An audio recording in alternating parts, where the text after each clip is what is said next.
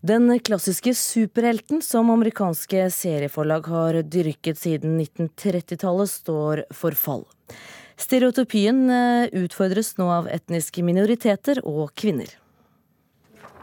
Ikke så ofte jeg driver og går gjennom disse her. Jeg bør litt sånn, ta meg tilbake til jeg starta. Jeg husker veldig godt disse scenene her, særlig fra utgave én.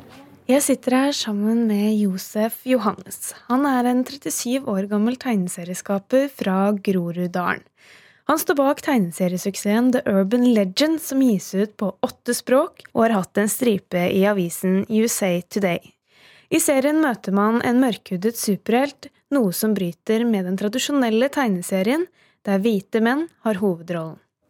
Barn i Vesten har alltid hatt luksusen av superhelter som Batman, Spiderman, Hulken, Avengers osv. Mens barn i Afrika som oftest har, har kun to typer forbilder. Enten er det idrettsutøvere, eller så er det musikkartister. Så jeg følte en svart superhelt kan være med å gjøre en positiv forskjell. For alle mennesker, men også for de som mangler en. Josef vet nemlig hva det vil si å mangle et forbilde. En superhelt man kan kjenne seg igjen i. Da jeg selv vokste opp, så, så manglet jeg et veldig positivt forbilde som jeg kunne relatere til. Da. Og jeg ser at det er veldig viktig for dagens unge å ha gode rollemodeller å kunne se opp til, som de kan bruke som motivasjon og ikke minst inspirasjon. Så, så det var veldig tøft å, å, vokse opp sånn uten å ha de typer rollemodellene. Da. Og de gangene jeg holdt på med verket mitt og det var veldig tøft, så har jeg brukt da barn og unge som min motivasjonsfaktor. Josef ville gi noe til barn og unge som han selv manglet i oppveksten. Men når tegneserien først kom ut i 2012, var det kun to forlag som ville satse på superhelten hans Malcolm Segai Madiba. Men så drar han på verdens største tegneseriemesse, Comic-Con, og da snur alt. Det blir stor stor snakkes om The Urban Legend på hele Comic-Con. og ja, det blir en veldig veldig stor, stor interesse rundt Urban Legend på denne turen her. Folk ringer oss, de vil bare ha mer og mer og mer. Og gjett hva som har skjedd nå? Nå har superhelten i The Urban Legend blitt stripe i USAs største avis, USA Today, med mer enn 70 millioner lesere i måneden.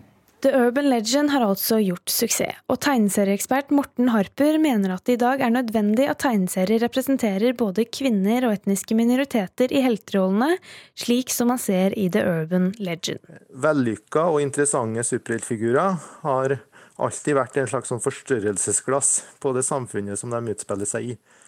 Og det vi ser i dag nå, er jo mye flere kvinnelige superhelter. Vi ser også mørkhuda, afroamerikanske superhelter.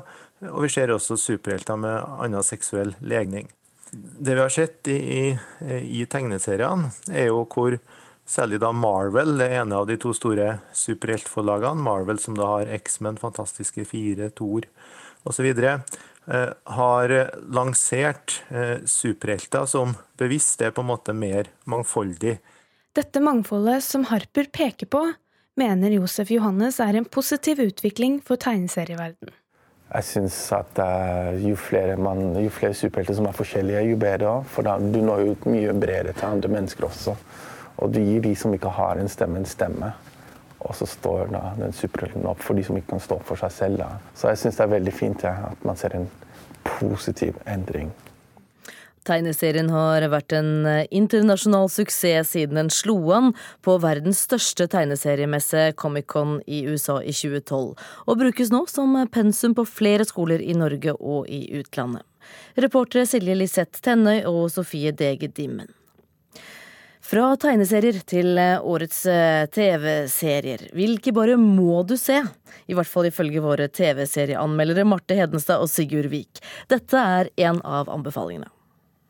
One year ago, my old life ended and my new life began. The greatest star. I want to be successful. I am by far. But I haven't told my friends or my parents. But no one knows it. Except my ex. Marte Hedenstad, The Marvelous Mrs. Maisel eh, sesong to. Hva er det med denne serien? Altså, Grunnen til at du skal se denne her, er at du rett og slett bare må forsvinne i New York på 50-tallet, kjøre på med en sånn deilig virkelighetsflukt og få noe skikkelig skikkelig trivelig å se på på skjermen. Marry somebody and everything will be fine. Do you think you can go back to making jello molds? I don't know. I make a hell of a jello mold. er jo en knallbra serie. Eh, Vi eh, er jo da i altså, komikerlandskapet på 50-tallet, standup-komiscenen, eh, og møter da eh, Rachel Brosnahan i rollen som eh, Miriam Maisel, som rett og slett ender opp som standup-komiker. Og du kan jo se for deg det i et mannsdominert 50-tall, hvordan det kan være. Og hun er supersjarmerende og utrolig vittig, skarp og morsom.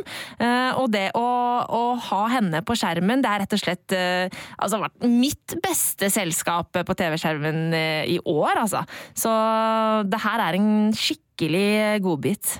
Sigurd Vik, eh, er du enig med Marte? Eh, Jeg har bare sett sesong én, for sesong to har kommet ganske nettopp. Men jeg har fått streng beskjed om hva jeg skal gjøre i jula av eh, Marte. Ja. Eh, Og jeg likte jo sesong én veldig godt. Det er jo perfekt virkelighetsflukt, eh, det her, på, på sett og vis. Det er veldig humørfylt. Og eh, for dem som likte Mad Men, så er jo det her eh, en serie som har visse paralleller når det gjelder de som er opptatt av kostymer og en tidskoloritt som eh, Det er deilig, altså. Det er så utrolig masse fine klær her, eh, og det er masse deilig musikk, og det er et sånt der eh, New York som virkelig svinger. Jeg blir så revet med av det. Det er sånn koser meg hvert minutt eh, på skjermen, altså. Men Sigurd, eh, du har kanskje en eh, egen eh, favoritt? Ja, Donald Glover har jo blitt kanskje årets mest produktive fyr. Han spilte Lando Calrissian i Star Wars-filmen Solo. Han har gitt ut musikk under navnet Childish Gambino, som blant annet hadde This Is America-låta med en fantastisk musikkvideo. Og så har han laga sesong to av sin serie, hiphop-komedien Atlanta, som er noe av det kuleste som går på skjermen, i hvert fall syns jeg det. Den går bare på lineær-TV her i Norge, altså på god gammel eh, boks. Det er Fox som sender den, så den ligger ikke ute til strømming, dessverre. Men Atlanta var min eh, beste serieopplevelse fra 2018. Hva med sjangre, da? Hva er det som har eh, dominert? Nei, Det er vel uh, spion og skrekk som kanskje er tendensordene for Ja. 2018. Veldig mye spionserier spesielt, og det sier kanskje noe om tiden vi lever i. Vi har alt fra ny sesong av Homeland og Jack Ryan, som er popkornvariantene, til veldig realistiske Le Bureau, til historiske The Looming Tower, som handler om etterretningsopplegget før 9-11 i, i USA. Så det har vært veldig stort spenn og veldig høy kvalitet på spionsjangeren. Ja, og så har det jo vært en del krim i år, og en del serier som eh, går inn for å gi deg en litt sånn ubehagelig stemning. Eh, og Psykologisk thriller. Psykologisk thriller, rett og slett. Og, og det er jo den serien som har havna på nummer én på vår toppliste over de aller beste seriene i år, er jo nettopp det, nemlig Sharp eh, Objects. I said she saw a ghost. Hva er det med, er det med den serien da, som, som gjør at den blir helt på toppen av lista? Nei, Den har en veldig sånn fin blanding av å være litt klisjéfylt. Det er en fordrukken eh, journalist som kommer til hjembyen sin for å etterforske et eh, dobbeltdrap, men i tillegg så er det da en eh, visuell stil og en evne eller en, en vilje til å gå inn i det psykologiske også visuelt, som, som gjør at det her blir en serieopplevelse utover det vanlige. Det er regissøren som laga Big Little Lies i fjor, en veldig miniseriesuksess, som har tatt med seg det eh, litt sånn håndholdte kameraet og den litt sånn naturlig lyssatte stilen inn i en eh, ny verden, og, lyktes veldig, veldig godt. Ja, Jean-Marc Vallet heter han, og eh, det som jeg syns er så kult med han, er at han klarer å gi oss den derre eh, guffende stemningen, og det er jo en eh, det er jo en krim og en thriller, det her, men så lefler han litt med sånn skrekkelementer som gjør at serien blir ubehagelig å se på. Og jeg veit om flere som, som ikke liker å se den aleine hjemme, for eksempel. Eh, og, det, jeg syns jo at selve krimmysteriet kanskje var litt for enkelt, men det gjorde liksom ikke så mye, fordi at det, den småbyen vi, bef vi befant oss i, var en sånn det var så fascinerende å bare være der og møte alle disse merkelige folka eh, og kjenne på den stemningen som var der. Så ja, den tok oss med storm, rett og slett. Vi må jo snakke om eh, den andre enden av skalaen også. Den største floppen i år. eh, For mange kanskje både litt overraskende og litt eh, trist. The American oligarchs out there, they are coming for us. As a patriot who loves his country, we can do so much better. They are trying to strip me of my constitutional power as your commander in chief. You are daring them. Ja, eh, vi syns jo House of Cards kunne ha runda av tidligere, men sesong seks kom, denne gangen uten Kevin Spacey, eh, av naturlige årsaker, og det var virkelig ikke ikke bra. Det var en kort sesong, det var en fæl sesong, det var en unødvendig sesong, og verst av alt var at når vignetten til House of Cards kom over skjermen, så føltes det for første gang som om at Netflix var litt utdatert, for det her var jo vignetten som liksom lanserte Netflix i Norge i, uh, i 2012, og som gjorde at vi liksom så for oss en ny TV-hverdag, men nå, når den kom, så, så kjentes det litt sånn uh, traust og, og gammelmodig, rett og slett. Men hva er det som gjør at House of Cards, som da har vært en, ja, en stor suksess tidligere, hva er det som gjør at den nå da ikke når opp? Nei, Hovedproblemet var jo at den hadde ikke mer historie å fortelle. altså i hvert fall ikke god historie. Den var jo på sitt aller beste i starten, da vi så en maktgal politiker som gjorde hva som helst for å karre seg oppover stigen, men helt siden Underwood ble president, så har serien hatt en dalende kurve, og nå var det mer sånn fanservice for å prøve å liksom skape litt sånn intrikate løsninger på rollegalleriet vi allerede har blitt kjent med, som var motivasjonen, men det lyktes de veldig dårlig med. Hvis vi skal mm, se på overraskelser, da, hvilke serier er det som har overrasket mest i år? Eh, jeg ble veldig overrasket av en serie jeg i utgangspunktet ga et dårlig terningkast da det kom, eh, nemlig den nyeste sesongen av The Walking Dead. Eh, det ble terningkast tre på meg på de første fire episodene, og syns egentlig at nå burde kanskje The Walking Dead pakke sammen snippveska og forsvinne. Men den overrasket meg virkelig utover sesongen, og endte opp med å bli en av de beste The Walking Dead-sesongene på lenge, faktisk. Og det er jo litt interessant med, med, tanke på at uh, hovedrollen, uh, Rick Grimes, forsvant ut av serien. Uh, og ja, jeg var egentlig ganske negativ til det, men så klarte han å snu seg om og ble rett og slett veldig, veldig interessant og spennende igjen. Så det, det overrasket meg veldig positivt, da. Sigurd, hva med norske overraskelser? Jeg, jeg, må jo si at jeg hadde jo trua på at heimebane skulle bli bra, men at det skulle bli så bra som det ble, det var ikke jeg forberedt på, og det var en veldig gledelig overraskelse. Serien hadde jo alt. Den hadde både en skikkelig god underdog-historie.